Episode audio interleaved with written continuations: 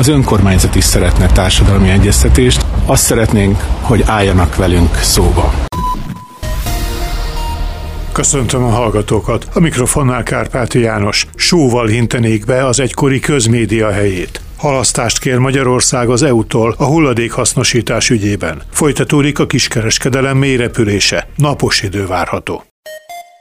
Breaking, a Klubrádió hírpodcastje.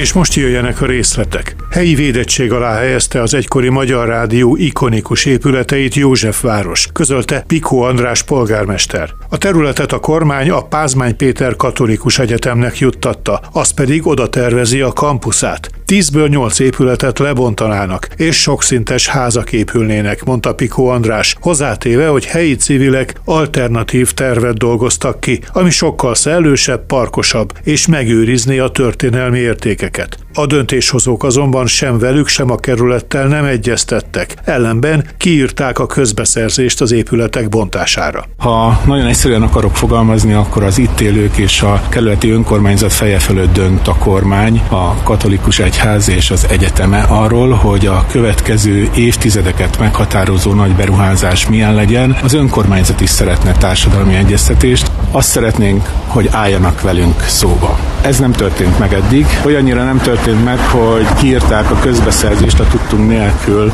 ezeknek az épületeknek a bontására. Épp ezért, mivel az önkormányzat számára fontos, hogy időt teremtsünk a helyiek bevonására, az önkormányzattal való egyeztetésre, tegnap a törvény által biztosított hatáskörömmel fogva egy olyan határozatot hoztam a kerület helyi képviselőjének a javaslatára, amely helyi védettség alá helyezi a bontásra ítélt épületeket. Lesz tehát idő arra, hogy mindent megbeszéljünk, Folytatódik a kiskereskedelem mély repülése. Továbbra is kevesebbet vásárolnak a magyarok, mint tavaly. Szeptemberben a kiskereskedelmi forgalom volumene 7,8%-kal, naptárhatástól megtisztítva 7,3%-kal csökkent az előző év azonos időszakához képest. Száz Péter, a portfólió elemzője szerint. Ahhoz, hogy meginduljon a lakossági fogyasztás emelkedése, ahhoz valószínűleg az kell, hogy a fogyasztói bizalom emelkedjen. Tehát ahhoz, hogy ebből kilábaljunk, valószínűleg szükség van azokra a béremelésekre, amelyek majd 2024 elején érkeznek.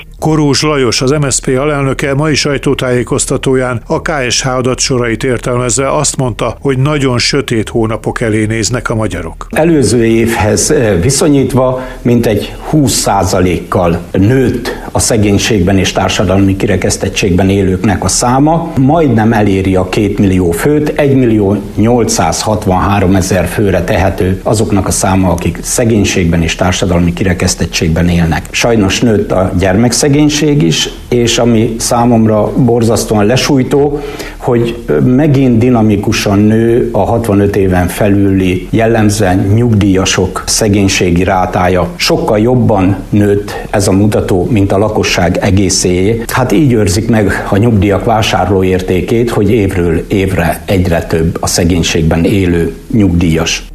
Halasztást kér Magyarország az EU-tól, mert nem tudja időre teljesíteni a hulladékhasznosítási célszámokat, értesült a Szabad Európa. A MOL szakirányú leánycégének felső vezetője egy konferencián ismerte el, hogy rosszabb a helyzet, mint az elnyert koncesszió előtt. A probléma oka, hogy korábban ez közel 3000 szereplős versenypiac volt, amit egy 100-200 szereplős piac váltott fel, és ezek a szereplők leszerződtek a MOL hulladékgazdálkodási cégével.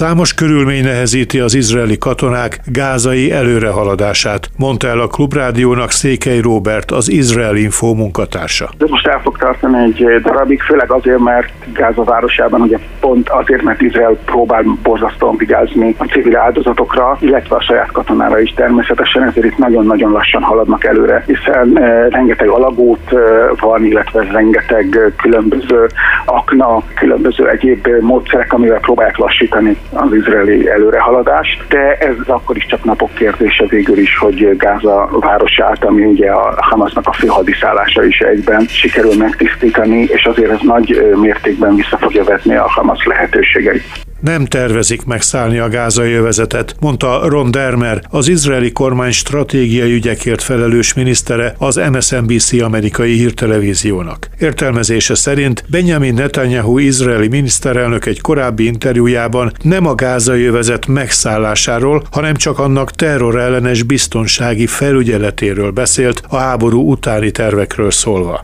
Dermer szerint az övezet irányításáért más felel majd, talán a palesztinok, de nem a Hamász.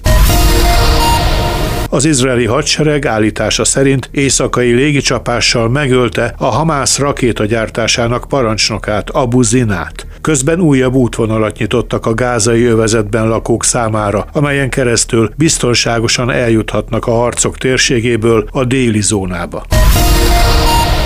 Izrael nem ad ki vízumot az ENSZ képviselőinek, Antonio Guterres főtitkár tegnapi kijelentései után, közölte Izrael ENSZ nagykövete Gilad Erdan. Guterres azzal haragította magára az izraeli kormányt, hogy ugyan határozottan elítélte a Hamász szörnyű és példátlan terrorcselekményeit, de hozzáfűzte, hogy az szerinte nem a semmiből jött, hogy a palesztin nép 56 éve folytogató megszállás alatt él. Az október 7-i terrorakció pedig ennek volt a következménye. Ma újabb európai vezetők tettek szolidaritási látogatást a zsidó államban. Karl Nehammer osztrák kancellár és Petr Fiala cseh miniszterelnök személyében.